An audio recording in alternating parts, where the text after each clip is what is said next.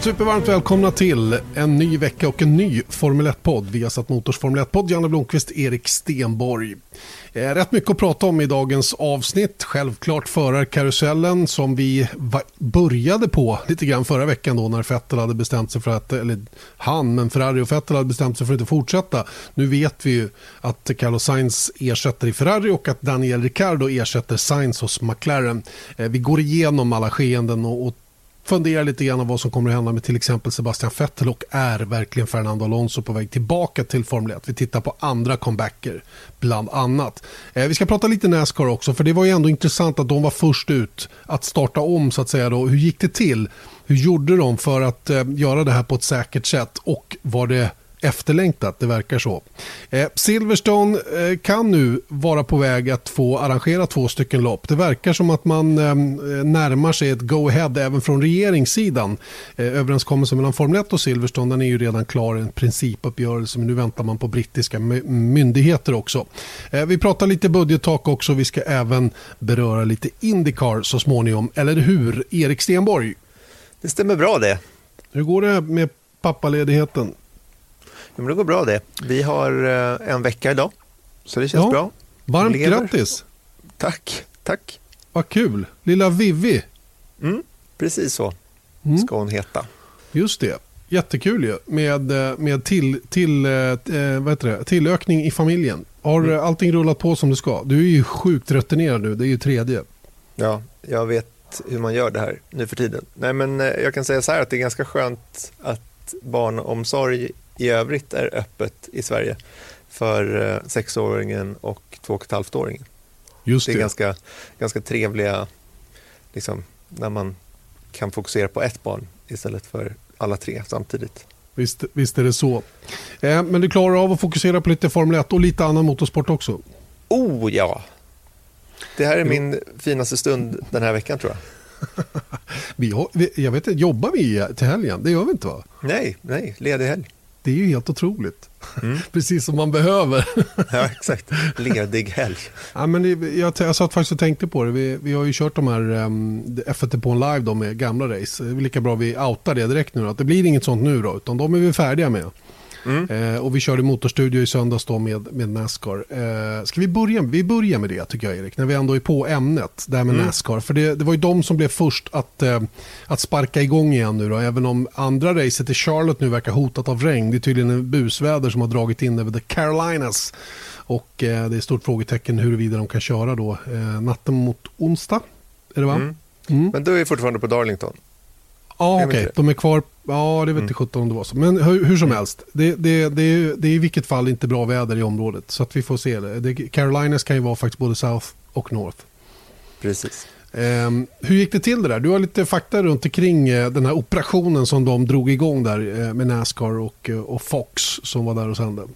Ja, och det är ju lite det som är grejen här, att det var ju väldigt många ögon på Nascar just för hur genomförde de eventet. Sen så vad som hände på banan och att racing var igång, det var ju superkul såklart, men det var ju många som liksom hade, även icke motorsportintresserade tror jag, som satt och tittade på det här för att se hur genomförde de det rent praktiskt. Och det man kan konstatera efteråt nu, eh, vad man kan se då var att det var 900 personer på plats cirka alla hade munskyddskrav då och det var lite spännande tycker jag att se förare i sponsrade munskydd. Jag, såg, jag tror att det var Kyle Busch som hade M&M sponsrat munskydd och det var, det var något man inte hade räknat med att se kanske om man blickar tillbaka ett par månader bara. Man tar att, alla eh, chanser. Ja men, jag menar, finns det en marknad för M&M sponsrade munskydd? Ja, nej, jag, jag, tror inte jag hade satsat ja, men, på det för ja, men, ett par, par, tre månader sedan. Inte så kanske, men mer att man, när man får vara i tv så gäller det ju att det syns eftersom de täcker ja. hela ansiktet också. Ja, jag menar mer bara att vad mycket som har förändrats. Mm. Världen är annorlunda, exakt, ja. jag håller med. Ja, fortsätt. Den totala mediakåren på Darlington var fyra reportrar, eh, förutom då tv-produktionen som gjorde själva livesändningen då. Och eh, alla intervjuer eh, som gjordes då för tidningar och, och skrivande press skedde remote då, via Zoom, den här uh, verktyg, videoverktyget då för att eh, intervjua förare och det gjorde även du med Joe Logano. Mm. Eh, hemma i Lagga och ja, hemma Faktiskt i, inte, men jag var hemma hos min son. Jag var hemma hos min son och gjorde det. Ja, men du ser, då har Joe Logano besökt en tvåa i Uppsala. Ja, Tunagatan 1A. Kan man säga. Nej, men alla, alla intervjuer skedde såklart över video då, och sen så, förutom då vinnarintervjun i Victory Lane som var Kevin Harvick som vann racet. Eh, det var en sån här lång två meters boom eh, som vinnarintervjun skedde med och han var liksom ensam i Victory Lane. Och det som jag tyckte var lite spännande att läsa om var att förarna körde sig själva till banan. När de kom till banan så isolerade de sig själva antingen i sina egna motorhomes eller i sina bilar fram tills att de kallades eh, av sina team direkt till bilen. Så de gick och bytte om och satte sig i bilen. För, eh, alla screenades på banan eh, och sen så eh, satte de sig i bilen, körde racet, körde till garaget, hoppade in i sina bilar och åkte därifrån. Det är lite annorlunda uppbyggnad för förare också, för de körde ingen träning, ingen kval heller. Bara Säg... rakt in i bilen och körde. Det säger en del om, om vikten av att få fart på det här. när, man, mm. när man ger de inblandade de här förutsättningarna. För det, det är ju, eh, precis som vi kommer att komma in på när vi pratar Indycar sen, det är ju det är inte bara att kasta sig in i en sån här bil och köra på en oval i nästan Nej. 300 km i timmen. Det är, det är på gränsen till ansvarslöst det också kan jag tycka. Eh, att göra det på det sättet. Det beror på från vilket håll man ser det så att säga. Va? Nu var det viktigare att ingen ingen var smittad av viruset såklart. Va? Men, men eh, ja, jag vet inte. Jag, jag, jag ställer mig frågan till om det är så här man ska göra det. Så här mm. knappt. Ja, jag, jag, jag kan inte, vi, vi, kommer till det lite senare faktiskt. Nu var det bara så att säga tio veckor eh, för de här förarna innan de, eller sedan de satt i en racerbil eh, förut då. Men jag menar Indycar, då är det ju typ ett Halvår nio drygt. månader eller någonting ja, sånt. Ja. Eh, men i alla fall, alla screenades på banan som sagt och ingen visade sig vara sjuk på plats och det återstår ju fortfarande då i och med att inkubationstiden kan variera eh, vad vi vet. Eh, vi får se helt enkelt om någon blev sjuk under det här eventet. Det var ju 900 personer på plats som sagt men det är ganska stor yta och jag tror, vad jag förstår så gjorde alla, liksom, följde alla riktlinjer liksom, med social distancing och, och, och sådant. Då.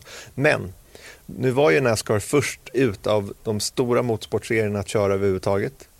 Och det kan ju återspeglas, det kan man ju se även i tittarsiffrorna på Fox Sports då, som sänder racet i USA. Och i USA så var det 6,32 miljoner tittare som såg racet, vilket är alltså 38 procent mer tittare än det senaste racet som kördes i Nascar den 8 mars då, innan eh, serien stängdes ner på grund av, av corona. Då. Och det är också den högsta siffran som Nascar haft sedan i mars 2017 och då räknar man bort då Daytona 500 som generellt sett har väldigt, väldigt mycket högre tittarsiffror. Så ett mm. genomslag hade de.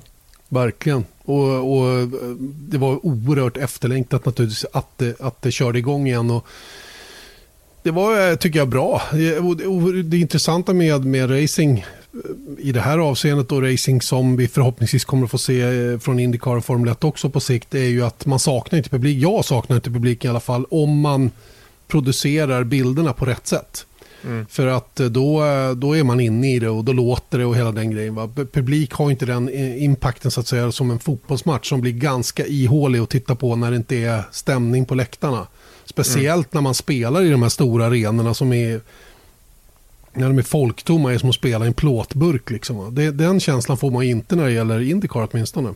Nej, nej absolut. Och det, och det, är väl också lite sådär att om man tittar på ett, ett vanligt race i Indycar så, så är det ju inga hundratusen pers som liksom lutar sig över räcket. Liksom. Utan det är lite sporadiskt med folk om man säger så ändå. Eh, så jag tror inte att man kommer sakna det så mycket i Indycar. Sen så kör de ett Indy 500 utan publik där man ser liksom 400 000 pers i, i bild, då tror jag att man kommer känna annorlunda. Sen så är det klart att okej, okay, ett race med eh, utan publik eller inget race alls, ja, men det är klart att man tar ett race utan publik. Men, men, men det är klart att samtidigt så saknade jag det. Eh, det blir en annan grej. Liksom. När man såg Victory Lane till exempel, att det var helt knäpptyst liksom, när de ja. hoppade ur bilen. Fast jag, jag vidhåller att, att jag, jag, tror inte racing lider av det på samma sätt. Som, Nej, som andra inte. sporter kommer att göra. Det kommer att vara vi, och det, människan har ju en förmåga att vänja sig snabbt vid saker och ting också. Nya förutsättningar hela den grejen. Så det, och det kommer jag känna att det är, det är mitt minsta problem. Om det är folk på läktarna eller inte när de kör. Bara de kör och att racingen håller samma kvalitet. Fotbollen har, jag tar det som ett, som ett jämförelse eftersom jag, jag smygtittar lite grann på de Bundesliga-matcher som spelades i helgen. Så är, de har ett större problem när det gäller just den biten. Det är nästan som de skulle spela på, på mindre ställen. Förstår mm. du? Eh, där det inte är läktare runt omkring. Jag menar, när man själv höll på så var det ingen som var där och tittade direkt. Och det kändes ju inte konstigt. Nej. Inte konstigt på något sätt. Va? Så att, men det blir märkligt när man är i en superstor arena som kanske plockar in 60 000 människor och det finns inte en människa på plats och det ekar väldigt och det blir, det blir en lustig. Jag tror det gynnar inte fotbollen i alla fall att spela på den typen av arenor när läget är som det är. Nej, Nej speciellt när det är sån här derbyn som, som vi visade då i, i, i lördags. Då, då är det klart att man får inte samma liksom, peppkänsla över att se ett idrottsevenemang när det inte är stämningen. För det är stämningen som är en stor del av det. Mm. Men eh, som du säger, det, det, är ju klart att motorsporten lider inte på samma sätt. Men det är klart att jag föredrar publik framför tomma läktare. All, alla dagar i veckan, det är klart att vi gör det. Men nu är vi i en väldigt, väldigt speciell situation och eh, det får vi väl på något sätt bara, bara tugga i oss. Det är inte så mycket att välja på. Eh, men, men eh, intressant ändå att eh, Nascar, och, och, Nascar, är ju, Nascar och Indycar är ju två organisationer där de kan styra väldigt mycket själva. Det är en, det är en tight, tight grupp på något sätt. Och att vara bara 900 pers för att få det här till stånd. Och ingen, man bara bestämmer att vi kör ingen kval och träning. Mm. Och alla, alla ställer upp på det. Va? Jag pratade med Joe Logano om det och höjde på ögonbrynen när vi, när vi, när vi pratade med varandra om. Han hade inga som helst. Det var liksom bara, ja, fine. Vi mm. kommer att vara elda alla ner mot första kurvan. Be en bön för mig bara, det var inga problem. Och, och, jag gillar den attityden på något sätt. Va? Inget gnäll, utan in och kör bara. Mm. Och, och, ehm, ja, det, och alla fick ju liksom ta sig an det där racet på ett annat sätt eh, än vad de normalt sett gör eftersom ingen var inkörd på banan överhuvudtaget. Mm. Men då ska jag försöka mig på en reflektion och det, det brukar ju gå där vissa gånger. Men något som jag kände när jag tittade på Nascaren var att eh, på ett sätt så är det ju den här grejen att, att eh, det har ju pratats så mycket om det i Formel 1 till exempel, att man skulle liksom minska på träningen, man skulle liksom eh, ja, bara förkorta helgerna hela tiden och liksom kanske till och med bara så här, men göra som en Nascar, ut och kör bara i stort sett. Jag menar, det, det har inte varit seriösa diskussioner om det, men liksom det har nämnts i den här äh, uh, coronapandemin köret som vi, som vi är inne på nu. Men det som jag kände att bara vetskapen om att de hoppade in i bilarna och började köra förtog lite känslan för mig. För att jag tycker liksom att jag tror att du har en viss samsyn där vad gäller en F1-helg. Den ska se ut på ett visst sätt. De ska träna, de ska kvala, de ska genomföra hela helgen. För att då vet man på något sätt här, psykologiskt att när de sitter på bilarna, okej, okay, men den som har gjort bäst jobb nu, alla har fått samma förutsättningar att ställa in saker. Och det ska vara så bra som möjligt när de nu kör racet. Vetskapen om att de inte ens hade tränat störde lite. Ja, för att det, det, där momentet av, av eh, slump är mm. inte jag någon favorit av överhuvudtaget. Jag vill att det ska vara rätt förutsatt. Stegen ska finnas där så att säga. Slump. Visst, man pratar många gånger om att, det, att, sporten, att Formel 1 skulle betjänas av att bli lite mer, mindre, of, mindre förutsägbar. Mm. Eh, och man kan skapa den oförutsägbarheten på lite olika sätt. Eh, Lex USA, när Kimi vann för något år sedan när ingen träning genomfördes på fredagen och vad det fick för, för påverkan på själva loppet. så att säga. Men fortfarande, jag vill inte att det ska vara en, en tombola. Jag vill inte att det ska vara det. Jag vill att det ska vara ordning och, ordning och reda och att man på något sätt eh, ser verkligheten när man ser en mm. grid. Va? någon gång ibland, jättegärna. Det är bara kul. Ja, men som, det, som Kim precis, i USA. Ja, jag menar, Det var ju kul. Det var ju ja. bara en mekanism som gjorde det av en slump. Exakt. Exakt. Men det, Men det behöver inte byggas så. in. Nej. Det var inte provocerat. Och, det behöver inte byggas in heller. Även om vi direkt... Min initiala reaktion var ju att fasen, det här är ju bra ju. Och ställde frågan till Ross Braun att ska vi inte överväga det här? Det här är väl en bra idé. Att ni, eh, det, det märks ju nu att ni har alldeles för mycket förberedelsetid. Och det kanske de har. Det, det kan mm. vi väl kanske enas om att ja, de har för mycket förberedelsetid och framförallt för bra verktyg att förbereda sig med. För att det, det, för lite grann tycker jag att de inte får jobba på banan. Mycket är ju såklart redan när de kommer till en race, åtminstone när det gäller Formel 1. Så det tycker jag, det, det, den delen av det skulle man kunna fila på. Så att den som gör jobbet på asfalten så att säga och förbereder sig bäst där har också nytta av det när man kommer till racet. Mm. Inte att den som har spenderat mest pengar på datorer är den som kommer bäst förberedd till racet. Eh, naturligtvis hänger det ihop också med hur mycket människor man har i övrigt och hur bra bil man lyckas bygga och hela den biten. Men om vi ska vara riktigt ärliga så har de ju otroliga, otrolig datakraft för att, för att komma väl förberedda till alla race. Och det, och det är ju också i en stigande skala beroende hur långt upp på griden man kommer. Mm. Yes, och näst ut, förutom då Nascar, är ju Indycar som ska köra fortfarande, planerar att köra 6 juni på Texas Motor Speedway och då är det ju, det har vi redan gått igenom i tidigare poddar, inte minst med Marcus Eriksson och Felix Rosenqvist personligen då i, i förra veckans podd, men då ska de ju få förberedelser, träning och kval, men på samma dag. Och då är det ju den där grejen också att vi har pratat om de fysiska grejerna också, men jag, jag får ändå vibbarna här att jag kommer ändå känna att det är någonting som förtar med vetskapen om att de inte är tillräckligt förberedda. Jag skulle gärna se att de fick en testdag innan, bara för att veta att de liksom alla fått bra förutsättningar att köra mm. det här mm. racet.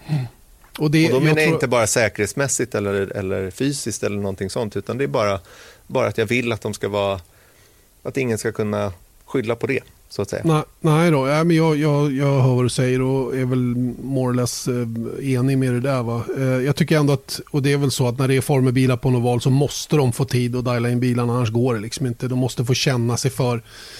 Det är ju, det är ju trots allt lite annat eh, med Indycar jämfört med Nascar. Och då tycker jag att det är bra att de har fått sina två timmar träning, vad det nu är, då, innan de kvalar och mm. sedermera racear. Ehm, men jag, jag, jag vet ju att det här är ett övergående problem. Så att jag lägger ingen större energi på det. Det är ju bara en, tillfällig, en tillfällig situation. Och eh, jag, är, jag ser hellre att de kör nu. Eh, jag, jag, give it the blind eye. Jag struntar i hur förberedelserna ser ut för närvarande. Och bara önskar att alla tänker sig för nu när de kör på Texas Motor Speedway i de här farterna med så lite förberedelser som det ändå är så att vi kan få hög kvalitet på racingen för det är ändå det man vill ha. Mm. Eh, och att det blir fair, fair and square när man väl kör. Och den som, den som har mest räva bakom örat och, och liksom är kallast också kommer att gynnas av det på slutet och, och ta målflagg först. Mm. Hörru du, 5 juli och sen 12 juli, då verkar det som att vi ska köra fortsatt att vi ska köra på Red Bull Ring, Formel 1 alltså. Och nu är också överenskommelsen klar mellan Formel 1 och Silverstone om två race på den banan den 26 juli och 2 augusti ser det ut som. Men man väntar nu på go-ahead från brittiska myndigheter. Ja, Berätta. Det, och det det handlar om är ju längden på karenstid egentligen. Mm. För eh, man har bestämt sig för att inresande till Storbritannien då skulle hamna i karens, eller 14 dagars karantän. Eh, och eh, då klarar man inte det här. För att eh, tanken från Formel 1 sida är att köra två race, 15 och 12 som du säger och sen då en, en helg ledigt och sen två race efter varandra då på Silverstone. Eh, det man söker nu och, och, tror jag hoppas kunna få är ju en, en kortare karenstid som då landar på fem dagar. Mm. Och, eh, för idrott? För idrott, ja. Mm. Eh, och är det då fem dagar eh, som man får för hela den här Formel 1-gruppen som kommer, ja då är det ju inga som helst problem att köra. Eh, och um, Jag kan inte se att det inte ska hända. Det är klart att de kommer att få det där, där, det där beskedet vad det lider. För att hela den här grejen med allt som har kommit ut runt den här kalendern bygger ju på att man har långt gångna diskussioner med respektive myndigheter. Eh, och, och, det är ju det som, eh, det är bara man måste ju vänta ut vissa saker såklart. Eh, och, och berörda myndigheter måste vara noggranna i sina beslut. Och, och Formel 1 har ju faktiskt tagit höjd för om Silverstone inte kan arrangera och har Hockenheim och Tyskland i bakfickan som reserv. Mm. De här två datumen. Va? Så det känns som att det inte heller kommer att ställa till det i, i, när det gäller att kunna köra ett mästerskap här nu. Mm. Och sen, det, ähm, ja. Det, det, det, bakgrunden där är ju de, det är ju helt enkelt då Ja, det egentligen är det ju alla, nu sju av tio team i Formel 1 är baserade i England, vilket är bra. Men med tanke på den här eh, karantäntiden då på 14 dagar så skulle det eh, liksom kunna, vad heter det, apply. Mm. Eh, alla omfattas av den egentligen eftersom de kommer från Österrike eh, plötsligt. Men största problemet är ju då för eh, såklart då för Ferrari, Alfa Tauri och Alfa Romeo som eh, är baserade i Schweiz respektive Italien då, men också Pirelli som har sina baser i Italien, Turkiet och Rumänien för sina Formel 1-däck. Eh, eh, och som du sa där så är ju om det skulle liksom falla samman mellan brittiska myndigheter och Silverstone och Formel 1 så har man ju Hockenheim som, som eh, reserv och kanske favorit då för att hoppa in istället då. Men då har vi motsvarande problem då för de teamen som är baserade i England när de väl ska då komma tillbaka om de inte gör det här, eh, vad ska man säga? Eh, Karantänstiden. Precis, om de inte sänker den till fem dagar då så, så kommer de ha det jobbigt att ta sig tillbaka. De måste, de måste ha fem dagar för Formel 1-team, annars kommer det inte att funka där. För att, eh, för att eh, de kommer ju behöva åka in och ut i landet. Med tanke på att planen är i alla fall att efter de två Silverstone-racen sticka till Ungern. Och sen vill man ju ha ledigt eh, igen då lite grann innan, eh, eller jag minns inte om man hade ledigt efter Ungern. Jo, det måste man nästan ha. Eh, för sen är det ju ett digert schema då med Belgien, Italien och något till, jo, Spanien. De, det mm. blir ju en triple header. Sen måste de tillbaka igen innan de ska iväg. Och eh, då ska de på den riktigt tuffa resan då göra en, en kvadruppel då som är Baku, Sochi, eh, Kina, Japan. Mm. Eh, och sen hem igen. Så att, ja, jag antar att det där måste de lösa på något sätt för att det här ska gå, gå att få till då. Det, det, är ju det här som jag är lite trött på att prata om kalendrar. Eh, dess vara eller icke vara. Det, det är ju något som vi har pratat om jämt. Så att vi ska väl inte hålla oss kvar allt för länge i det. Men det är just det här som är problemet med när man sen väl ska börja resa, speciellt långt då. Att var hamnar man någonstans? Liksom, alla har olika inreseregler och det, det finns ju liten samordning vad gäller det här än så länge i världen. Så att det är olika saker som gäller för olika länder bland annat där, där man utgår ifrån men även dit man ska och sen mm. hur man ska komma tillbaka därifrån. Då. Så det... Men det är ju ingen tvekan om att det finns ju en, en grupp hos Formel 1 som naturligtvis sköter den här typen av kommunikation med respektive land man ska till nu och är ju långt, långt fram i den här planerade kalendern med diskussioner så att de, så att de eh, ligger steget före på något sätt. Mm. Och Ehm, ja, den, här, den här skuggkalendern eller preliminära kalendern har ju gått ut i team i alla fall så att de vet vad de har att planera efter. Och jag lyssnade på en, en annan podd som heter F1 Nation då, som Formel 1 släpper där Günther Steiner var med och han ehm, han vet jag är eh, angelägen om att komma igång givetvis. Eh, han tror att det kommer att komma igång och ehm, han ehm, tror att man kommer att få ihop ungefär 15 race. Då. Den här kalendern som finns nu den är uppe i 18. Men 15 då verkar ju vara the magic number som man säger då. Och det har ju med tv tv-intäkter att göra eftersom det är en ganska avsevärd del av intäkterna teamen ska få så småningom. Då. Hörrni, vi stoppar lite här för eh, Medan Erik och jag bandade den här delen av podden så kom det faktiskt nyheter runt omkring vad som gäller karantänsreglerna i, eh, i Storbritannien. Eh, det har inte kommit något officiellt ännu men det rapporteras i brittisk media nu att eh, den brittiska regeringen sannolikt inte kommer att ge något undantag till sporter då ifrån de här 14 dagarna av karantän som gäller då för personer som har varit utanför landet. Eh, och det här ställer ju till det lite grann då givetvis eftersom eh, det, det till att börja med då eh, gör att Storbritanniens Grand Prix är i stor fara. Som vi nämnde så är ju Tyskland reservställe men, men det här försvårar ändå saker och ting ganska avsevärt för Formel 1 rent generellt eftersom sju av tio team befinner sig med sina fabriker och allting i Storbritannien. De måste dit emellanåt hela tiden. Och varje gång de har varit utanför landet så måste personalen alltså sitta i 14 dagars karantän. Eh, nu verkar det som att F1 eh, funderar på att köra två race då, eh, direkt efter Österriket. Eh, direkt efter Österrike där eh, sen personalen där ute och rör på sig eh, upp till en månad då innan man kommer tillbaka och går in i karantänsperioden då inför nästa tripp så att säga då. Och, och Hockenheim är alltså standby då för att eh, köras istället för eh, Silverstone då om, om man nu inte får till där.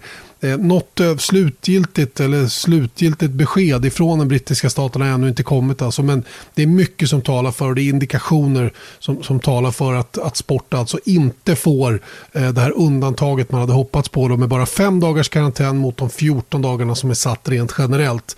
Eh, och anledningen till det här då är att om man ger undantag till vissa sporter då är man rädd att man öppnar a can of worms som man säger då. Där eh, man får ett jätteproblem med alla tänkbara sporter då som vill försöka få det här undantaget och få möjlighet att resa då utan att hamna i karantän mer än fem dagar på väg tillbaka. Så är det med den saken. Eh, nu fortsätter vi med, med podden alldeles strax. Just det, vi har satt Motors Formel 1-podd rullar vidare. Då har vi eh, pratat eh, vår år, eller våran veck, veckoliga eh, kalender, vårt veckoliga kalendertugg. Ska vi ge oss på den riktiga godbiten när det gäller Formel 1 och naturligtvis silly season då som sprakade igång på riktigt allvar då. Faktiskt förra tisdagen då när beskedet kom att eh, Sebastian Vettel då eh, inte skulle köra vidare för Ferrari från och med 2021. Sen gick det inte så himla lång tid innan eh, vi fick, eh, Björn och jag resonerade om det, Björn och Wilhelm och jag resonerade om det och sen så hade man väl på känn, eller jag hade ju på något sätt via massa olika signaler från alla möjliga håll och kanter då eh, kommit fram till att Sainz skulle gå till Ferrari och Ricardo då till McLaren. Eh, och det dröjde ju inte så himla länge då innan detta bekräftades.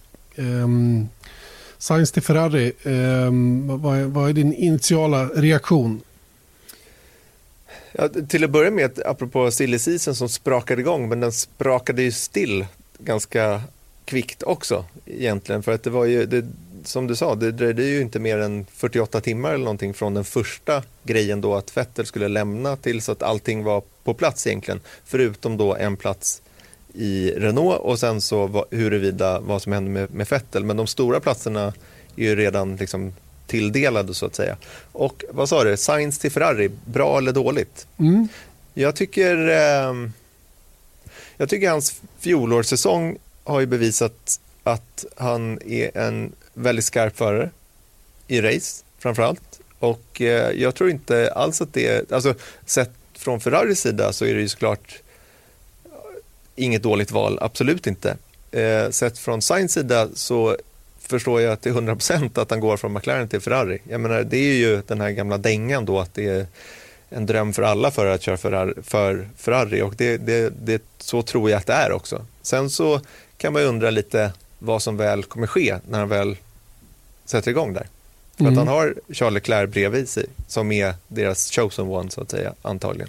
Visst är det så, men det bygger på att man går väldigt långt handlingarna väldigt långt i förväg. Om man då, om, om man i Sainz fall bestämmer sig redan nu för att, eh, eller ja, jag går till Ferrari. Jag vet att jag kommer att få det tufft och, och liksom få eh, förtur gentemot Leclerc och hela den biten. Med, den, med det mindsetet kan man inte gå dit överhuvudtaget. Och det gör inte heller Carlos Sainz, det kan jag inte tänka mig. Utan han, han tänker så här, eh, eller så här hade jag tänkt.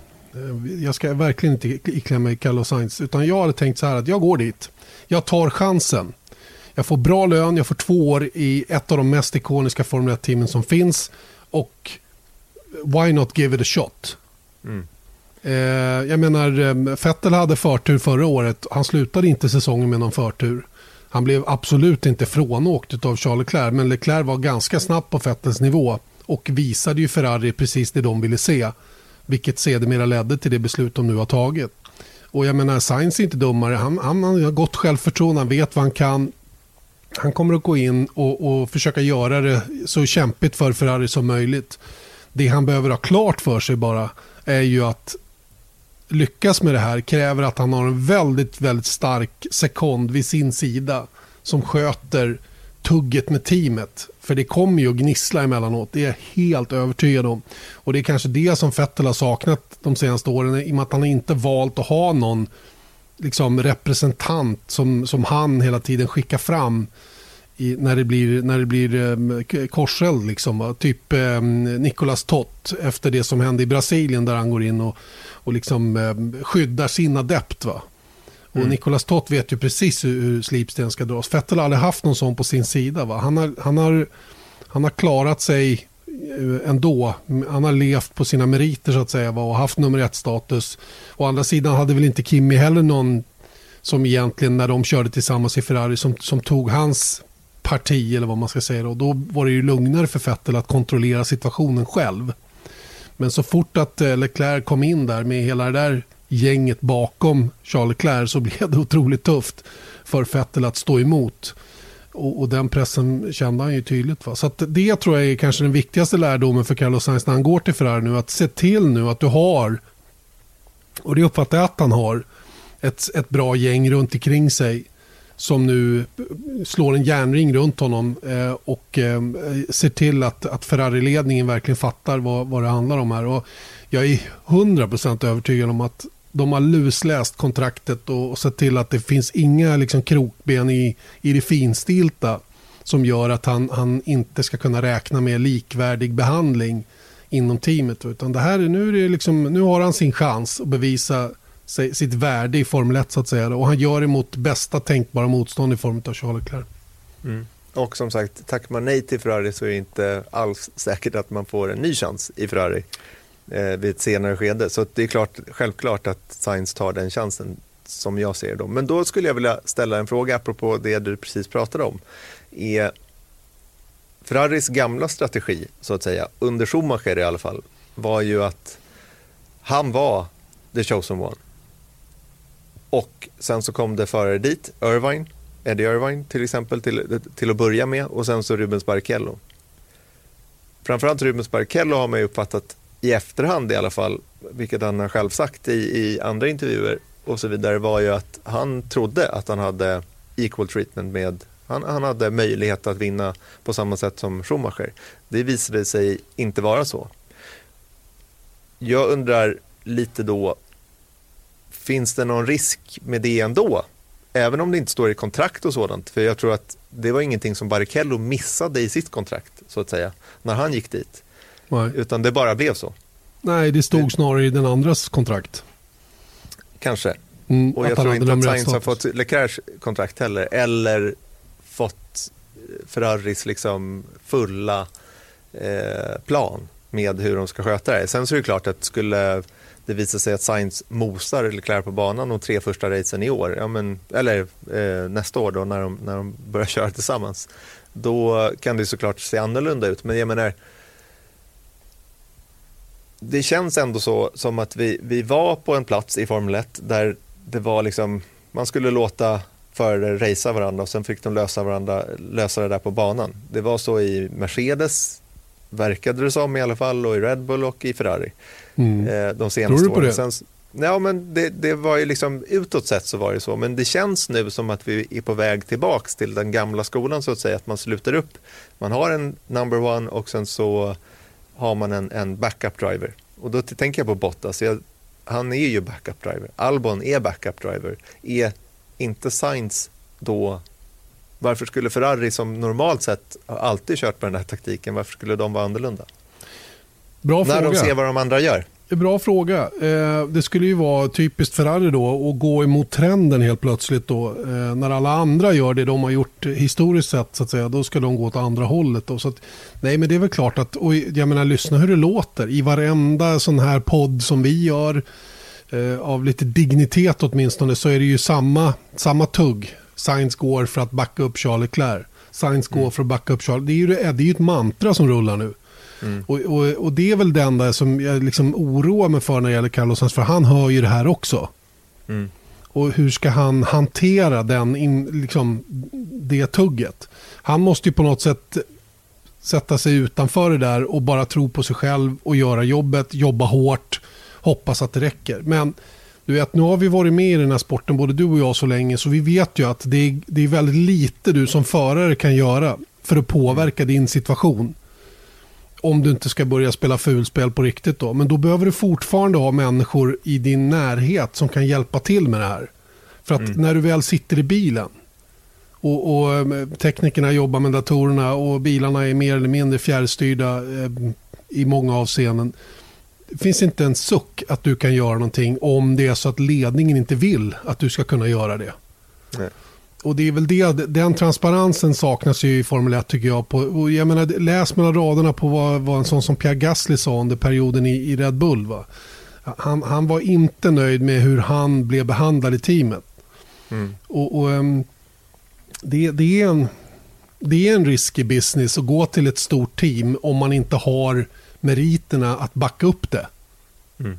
Så att man automatiskt blir nummer ett så att säga. För då, är man, då har man jättesvårt att komma upp på den nivå där man vill vara. För det är andra faktorer som håller dig tillbaka.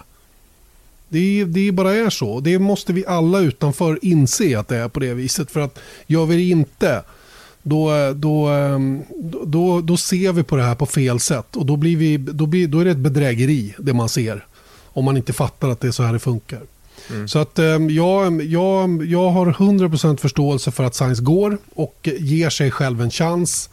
Jag tror att de har pratat oerhört mycket om det hemma. Vad betyder det här nu om vi går till Ferrari och kör med Charles Leclerc? Det är klart att han har bollat allting runt omkring. Va? Men vad ska man göra? Mm. Det, det, ringer Ferrari, eller vill Ferrari att man kör, då kör man där. Så enkelt mm. är det. Och det är, visst, det kanske har naggats lite i kanten det där ryktet om att alla vill köra för Ferrari. Men jag tror fortfarande att alla vill köra för Ferrari. Jag tror faktiskt det.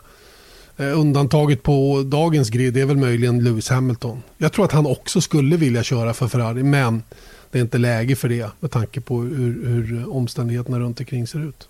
Mm. Kommer vi vidare då och säger eh, Ricciardo i McLaren, i Woking. Mm. Ska, man, ska, jag, ska jag dra en så enkel fråga? Är det bra eller är det dåligt? Eh, ja, som, som jag ser det så är det bra. Jag tror Daniel Ricciardo gör helt rätt. Eh, däremot så är jag, lite, jag är fundersam över några saker. Han gick ju alltså till Renault eh, efter säsongen 2018. Eh, hoppade av Red Bull för han kände inte, av det vi just har diskuterat, att han hade full support från teamet. Insåg mm. att han var i en återvändsgränd där innebar att han behövde röra på sig, vilket han då gjorde. Han valde att gå till Renault. Han sa att så här mycket vill jag ha, för så här mycket tjänar eh, Max Verstappen och de vill inte betala det hos mig, eh, till mig i Red Bull. Renault vill ju naturligtvis ha en stark förare som Ricardo, en, en, en race winner. Betala den här lönen. Han kör en säsong och sen börjar han att förhandla med McLaren efter en säsong och en försäsongstest. Om de ens hade börjat försäsongstesta när förhandlingarna med McLaren startade.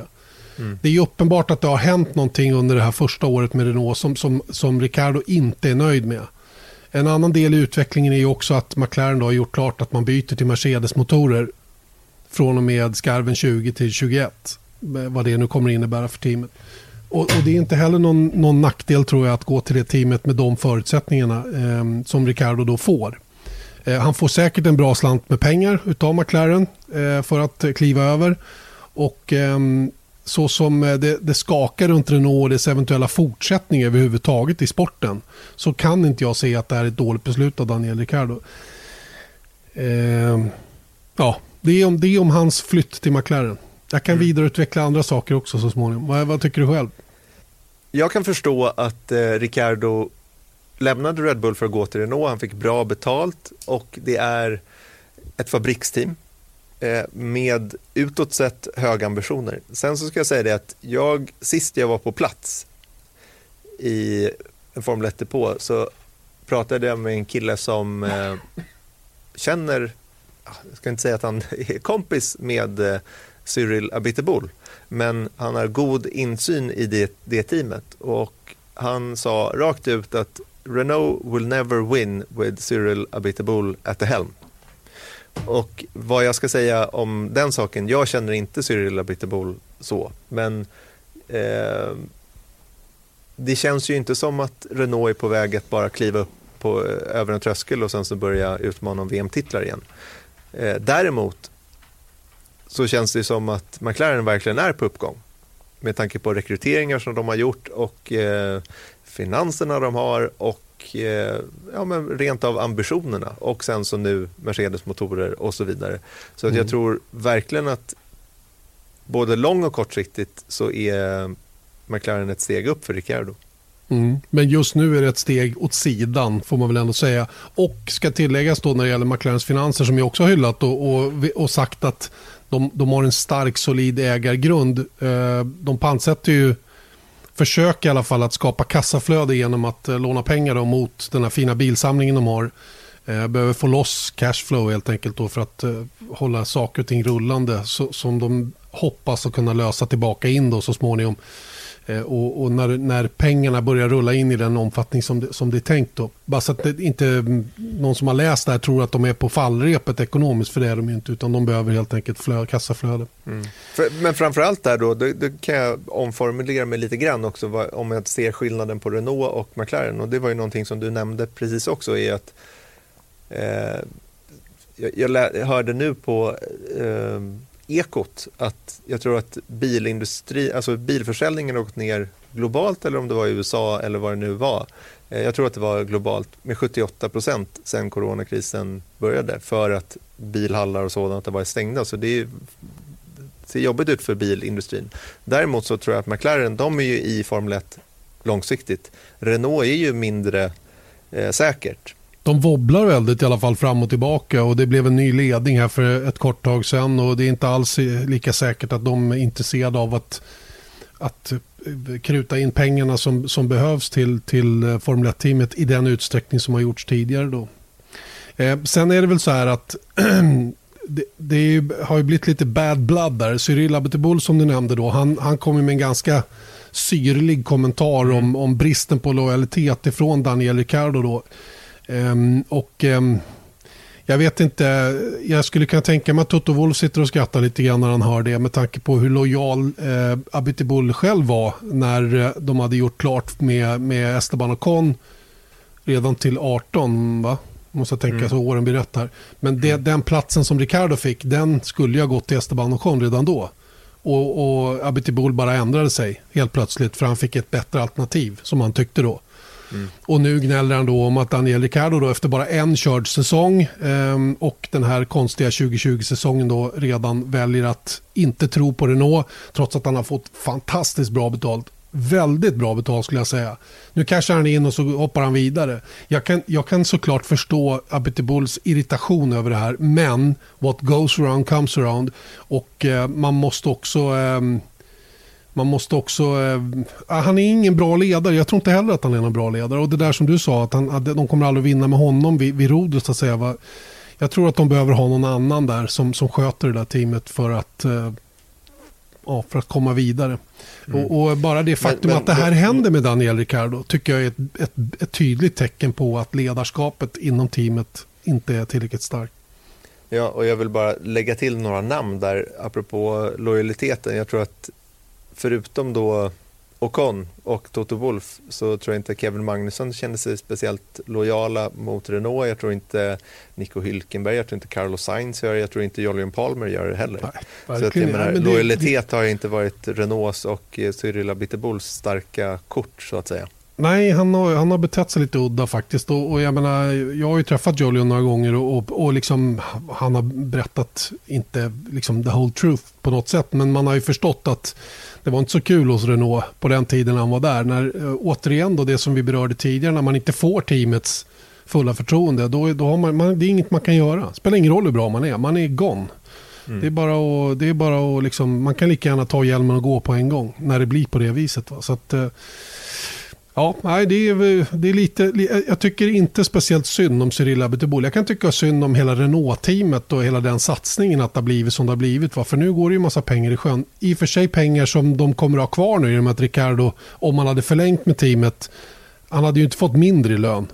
Nej. Eh, om man hade förlängt det där kontraktet. Och de pengarna kanske är allokerade för en förare. Till mm. exempel Fernando Alonso. Eller vad tror Exakt. du? Ja, men jag tror verkligen inte att det, när man säger att pengarna brinner inne, det gör de ju inte. De anställde honom och sen så har de gjort vad de kunnat med de, eh, de åren som funnits. Det var ju två år eh, kontrakt liksom. Så att, eh, sånt här händer ju i Formel 1 och i alla andra sporter också och i arbetslivet över, över, så, överhuvudtaget. Så är det ju. Va? Men visst, 17 kan pengarna brinna inne. Den där lönen som Ricardo har haft är inte säkert att nästa förare som tar över efter honom kan få. Nej, nej, nej. Eh, eh, om vi bara är tydliga med den saken. Eh, sen är det frågan om vad behöver egentligen Renault?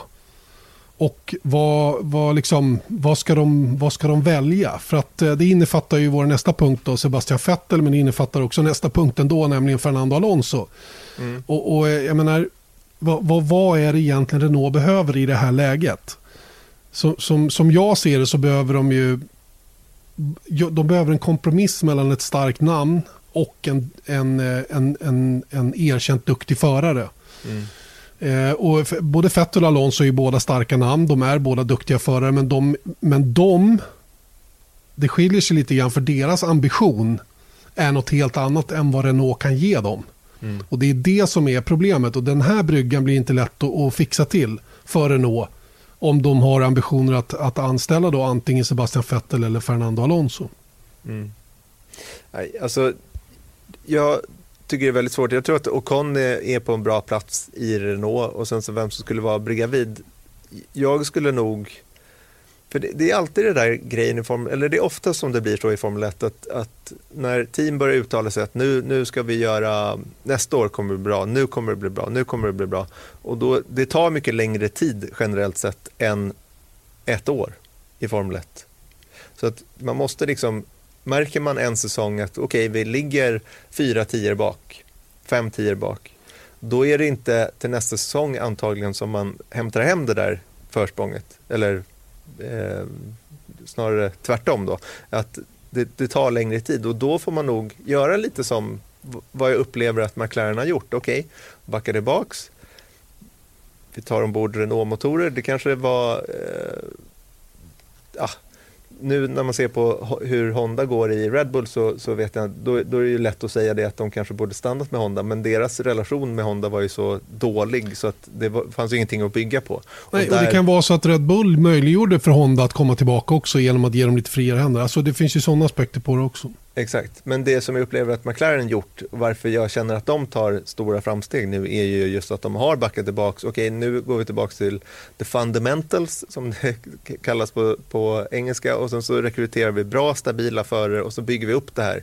Och sen så räknar vi med att det kommer ta lite tid. Jag tycker de senaste fem åren med Renault har varit så här, ja men vi är bara på, liksom, vi behöver så här lite till, så här lite till, så här lite till, sen är vi där. Men det är inte så lite. De behöver, jag menar om man sett till förra året så gick de faktiskt bakåt gentemot McLaren. Mm. Um, så att med det sagt så är jag inte alls säker på att de behöver Alonso. Jag tror inte han är rätt person för det. Nej, jag, jag, tror att vilket team som helst i och för sig skulle vara glada att få Alonso i, i en av bilarna. Men eh, jag tror inte att det är rätt för Renault att värva in Alonso Eh, för att det, det, det kan sluta med en enda med förskräckelse. Va? För att vi vet ju hur otålig han är när inte saker och ting rullar på. Och, och det enda som skulle kunna funka om Alonso väljer att göra comeback med Renault det är att han går in med rätt inställning eh, och, och, verkligen fattar vad, det är han, vad han är där för att göra. För att om Alonso väljer att vara ödmjuk och försöka hjälpa det här teamet till någonting då kan de, då kan de faktiskt uppnå något. Men Alonso under den tiden som han kommer tillbaka och kan köra inom en rimlig tid. Vad, vad kan han få som mest? Ett treårskontrakt möjligen. Mm, eh, om, de har om de har råd med det. Under den perioden så kommer han inte att vinna någon race med, med Renault. Inte en chans. Utan eh, de, de, men han kan vara med och i processen att göra Renault till ett stort team igen. Och sen får någon annan ta över på sikt. Va? Är det det som Alonso är, är med på att göra? Visst, go ahead. Kör. By all means. Det, det, då liksom, fixa det. Men, men jag tror inte att det är hans agenda riktigt. Eh, samma sak med Fettel. Han är 32 år och har varit med hur länge som helst känns som. Men trots sin ringa ålder så är han ju långt ifrån redo kanske att, att lägga hjälmen på hyllan. Men vad ska han köra med den ambitionsnivå han har kring sin karriär? Är det då att göra det som jag pratade om att Alonso ska göra? Ja, men de som, den som går till Renault måste vara med och göra det här jobbet. Och den som har mest år till godo är ju faktiskt Sebastian Vettel i det avseendet. Om han kan tänka sig att skriva på ett tvåårsavtal säger vi med Renault med en option på, på två år till in i det nya reglementet för att se vart saker och ting tar vägen. Fine, då skulle jag göra det faktiskt om jag vore Vettel. Eh, han, det han väntar på nu det är lite grann vad som händer med Mercedes gissar jag. Va? Men, men eh, om vi ska vara ärliga så är väl den, den möjligheten att han hamnar i Mercedes ganska liten. Så, mm. så att vill Vettel verkligen köra vidare och kan ta på sig det jobbet att, att göra Renault till ett bra team. Varsågod, gör det. Absolut. Gå till, gå till Renault. Mm. Om jag ska försöka mig på ett namn så mm. tror jag att med tanke på om de skulle kunna ta den strategin och jag vet inte, det kanske är, jag, jag, vet inte vad Renault har för strategi just för tillfället men nu har de Ocon. Jag tror på honom som förare. Eh, jag tror att han är bra. Eh, någon som kan jobba ihop med Ocon. Eventuellt kanske skulle kunna vara en George Russell till exempel. Just för det är ju det som är lite skillnaden om man, om man återigen går tillbaka till McLaren där att där hade vi harmoni i teamet mellan Sainz och Norris. De jobbar ihop. Det var inga liksom, schismer, det var inte eh, Alonso, eh, van Dorn kriget mellan dem, så även om det var liksom bakom kulisserna så var det ändå liksom, det var osoft. Ja, i, Van Dorn blev ju bara mosad där utav hela alltihopa. Liksom. Ja, det var viktigt för Alonso att göra det, men jag tror att så här, okay, i ett mittenteam så behöver du lite mer harmoni än, än, än, vad man kan kosta på sig i de större teamen när man utmanar VM-titlar och man kanske ska ha en första förare som ska liksom satsa till att maximera resultaten på banan. I Renaults fall så kanske det är bättre att här, do the long game med två snabba, stabila förare som, som inte är i krig med varandra. Problemet som, problemet som de har är att den, störst, den högsta ledningen i Renault eh, behöver övertygas. Det, det, det, kan ju vara så sjukt att de inte förstår sporten bättre och därmed behöver eh, övertygas lite artificiellt. Förstår du vad jag menar? Mm. och eh, kan man då övertyga den högsta ledningen om att Fernando Alonso kommer till oss, då han tror på oss. Han vet att vi vill göra det här. Då kanske de, eh, då kanske de säger okej, okay, go for it. Eh, under rimliga förutsättningar. Han kanske kan sälja bilar till och med på rätt marknader på ett sätt som inte, det ska vi inte heller liksom bortse ifrån i det här. Va? Och sen har vi glömt en sak, kommer Renault ens att vara kvar i Formel 1 generellt? Mm Eh, jag signar om Fernando Alonso på två år eller Sebastian Vettel på två år, ja då är de ju kvar eh, över tid. Och, och, har ju förmodligen en plan som, som är kanske 5, 6, 7 år bort i tiden. Va? Då, då tror jag inte vi behöver vara oroliga för att de kastar in handduken och inte fortsätter. Mm. Men se på, på Honda, de hade en eh, vinnarbil tillverkad, designad till 2009 och hoppade av ändå. Jo. Så att, men, eh, och då det, hade det, vi en liknande det beror på ekonomin kris. såklart. Men ja, det är där men då... jag menar, där kanske Alonso är det starkaste kortet. Just mm. för att, okej, okay, Fernando Alonso tillbaka i sitt gamla VM-titelteam. Eh, ja, men det är en bra marknadsföringsplattform för Renault nu när de behöver satsa sig ur en ekonomisk kris. Visst är det så. så att, det, det och då kanske det visar sig att, att Alonso är det absolut bästa kortet i världen för Renault. Ja, ja, och jag menar vad han klarar av bakom ratten, det är ju omvittnat. Det behöver vi inte ens diskutera. Han är ju svinbra, kort och gott mm. bara. Ehm, det sista jag har hört är att, han, att de, de är så pass långt gångna i förhandlingarna med Renault att, att uh, han behöver på något sätt hitta förutsättningar för sin egen lön. Mm. Han ska alltså bli en paydriver nu. Mm. Oj då. Det kommer vara jobbigt. Men det har han ju faktiskt i mångt och mycket gjort med Santander och, och, och alltså, så vidare tidigare. Gör, gör inte alla det? Jo, ja. så är det ju. Men old, du, story, old story, den skiter vi um, jag tyckte det var lite Apropå Alonso, jag vill bara säga en sista grej där, runt, mm. Eh, vilket leder oss in på ett, ett litet eh, på sniskan-ämne här. Men jag såg på Mark Webbers Instagram, han ställde ut så här Ask me anything eh, och så fick man ställa frågor till honom. Och då var det någon fråga typ om du fick köra den här och den här bilen med den här, de här och de här förutsättningarna, skulle göra det då? Eh, I Formel 1 alltså. Och då så skrev han bara så här, no I had my turn. Och vilket fick mig att tänka på att ja, men han haft sin tur i Formel 1 eller vad man ska säga. Och då menar jag inte liksom, eh, att han hade tur och hittade massa pengar utan han, han har haft sin session i Formel 1 och nu är han klar med den. Jag kan tycka att det blir lite jobbigt också att se det händer ju titt som tätt alltså, att det är förare som verkligen de lämnar Formel 1 och säger så här, Formel 1 har ingenting kvar att ge mig. Eh, jag bryr mig inte, jag behöver inte Formel 1. Och sen så går det några år och sen så visar det sig att jag tror att de behöver Formel 1 mer än vad de kanske själva trodde. Och nu tänker jag på Fernando Alonso igen då. Jag menar, han, han, eh, han lämnade buller och bång och då skulle han bli eh, eh, Triple Crown-förare, vinna Indy 500 och eh, kört Le Mans och gjort allting. Och sen så graviterar han ändå tillbaka mot Formel 1. Och Kimi Räikkönen gjorde samma sak. Han, lämnade, han var ju helt känslokall mot Formel 1. Körde rally ett par år och sen så fick han chansen. Ja, men då visade det sig att han, han fick tillbaka suget igen. Eh, jag tänker på Vettel här då, att om han skulle hänga upp hjälmen på hyllan. Motsatsen till det här är Nico Rosberg då som verkligen inte har gjort några som helst ansatser till att gravitera tillbaka till Formel 1 förutom som journalist. Då. Men hur brukar det gå med comebacker överhuvudtaget? I, det sägs ju att det går så himla fort i Formel 1 så att det är svårt att liksom komma tillbaka mm. ens. Det finns, det finns väl egentligen bara ett, en riktigt bra comeback som jag ser det då, som, som studsade tillbaka och blev världsmästare till och med och det är Alain Prost. Då. Alla, andra, alla andra comebacker har ju varit mer eller mindre misslyckade de har i alla fall inte kommit tillbaka till fornstora dagar när de väl, väl kommer tillbaka till sporten. Då. Mm. Um, Kimi Räikkönen är väl kanske ett undantag trots allt. För hans comeback blev ju ändå helt okej. Okay. Han gjorde ju ett ruskigt bra jobb då i, i, Lotus var det väl han landade innan det blev mm. Renault.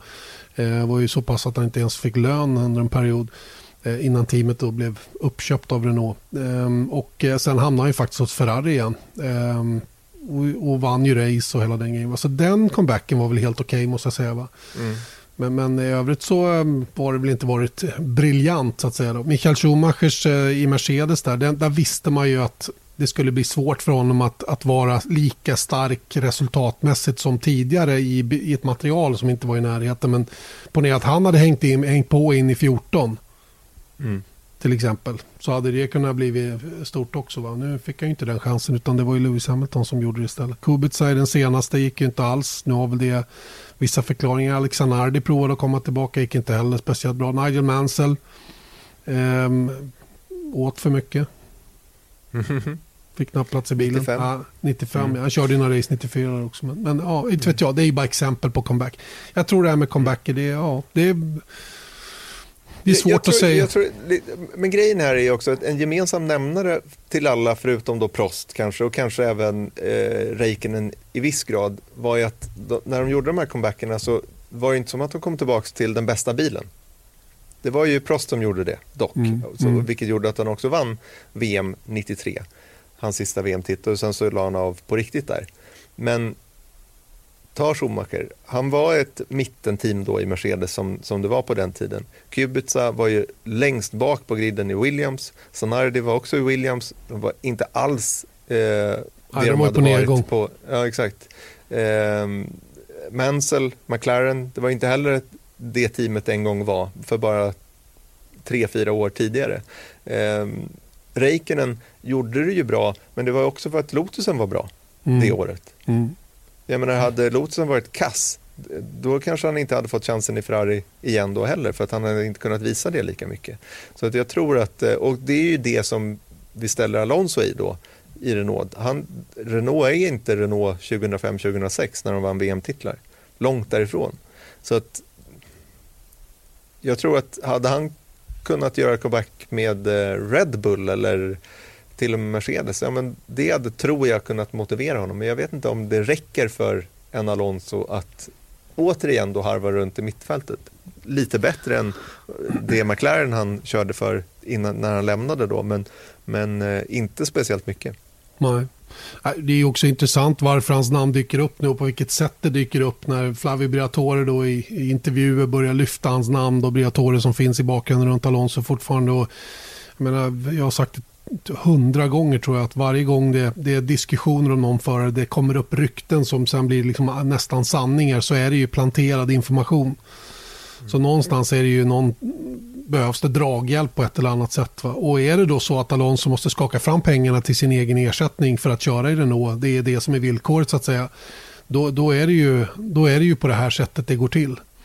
Eh, nu är han så pass stort namn så det borde inte vara något större problem för hans del beroende på vad han vill ha. Det kanske kommer att stå Kimo över hela bilen också om han nu väljer att, att göra comeback. Men jag tror som sagt inte att han är rätt gubbe för, för, för Renault om de vill ha framgångar.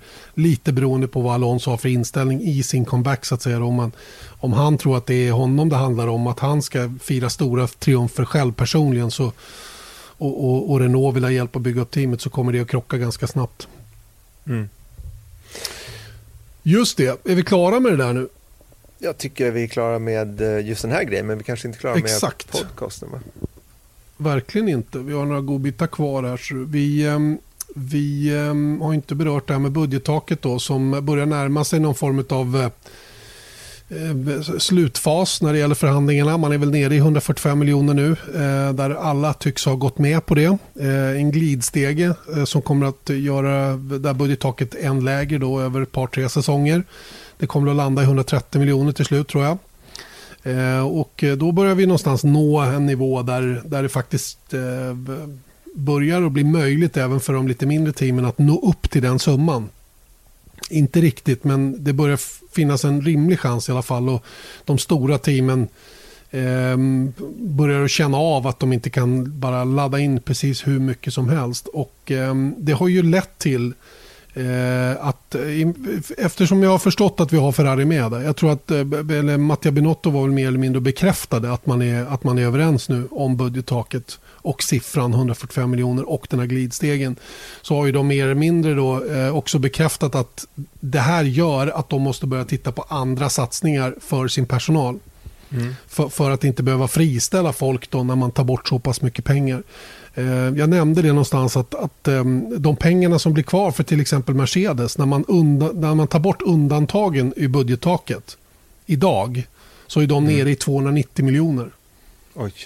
Och då ska de alltså halvera de 290 miljonerna för att komma ner i det budgettaket som, som då är satt. Så det, mm. Och det är ju naturligtvis jätte, det innefattar ju massor med folk. Mm. Och det är ju samma läge för Ferrari då som, som då enligt Binotto då eh, säger att man tittar till exempel på att köra Indycar eller, eller en, en större satsning på WEC då, vad det mm. nu må vara. Och eh, varför inte?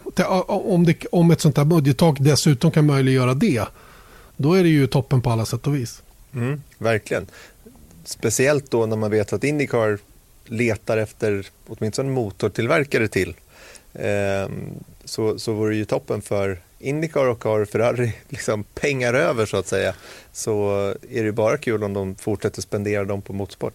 För visst är väl det villkoret, att de får köra en egen motor om de skulle komma dit. Annars skulle de ju aldrig göra det. Nej, och det är det här som jag undrar också, att McLaren är ju där idag och kör med Dalara-chassin och eh, Cheva-motor. Vilket är lite speciellt då med, när det är ett bilmärke som kör med ett annat bilmärke så att säga. Eh, men de är ju inte liksom kända för sina motorer, McLaren så att säga, utan man vet ju att de... Det är...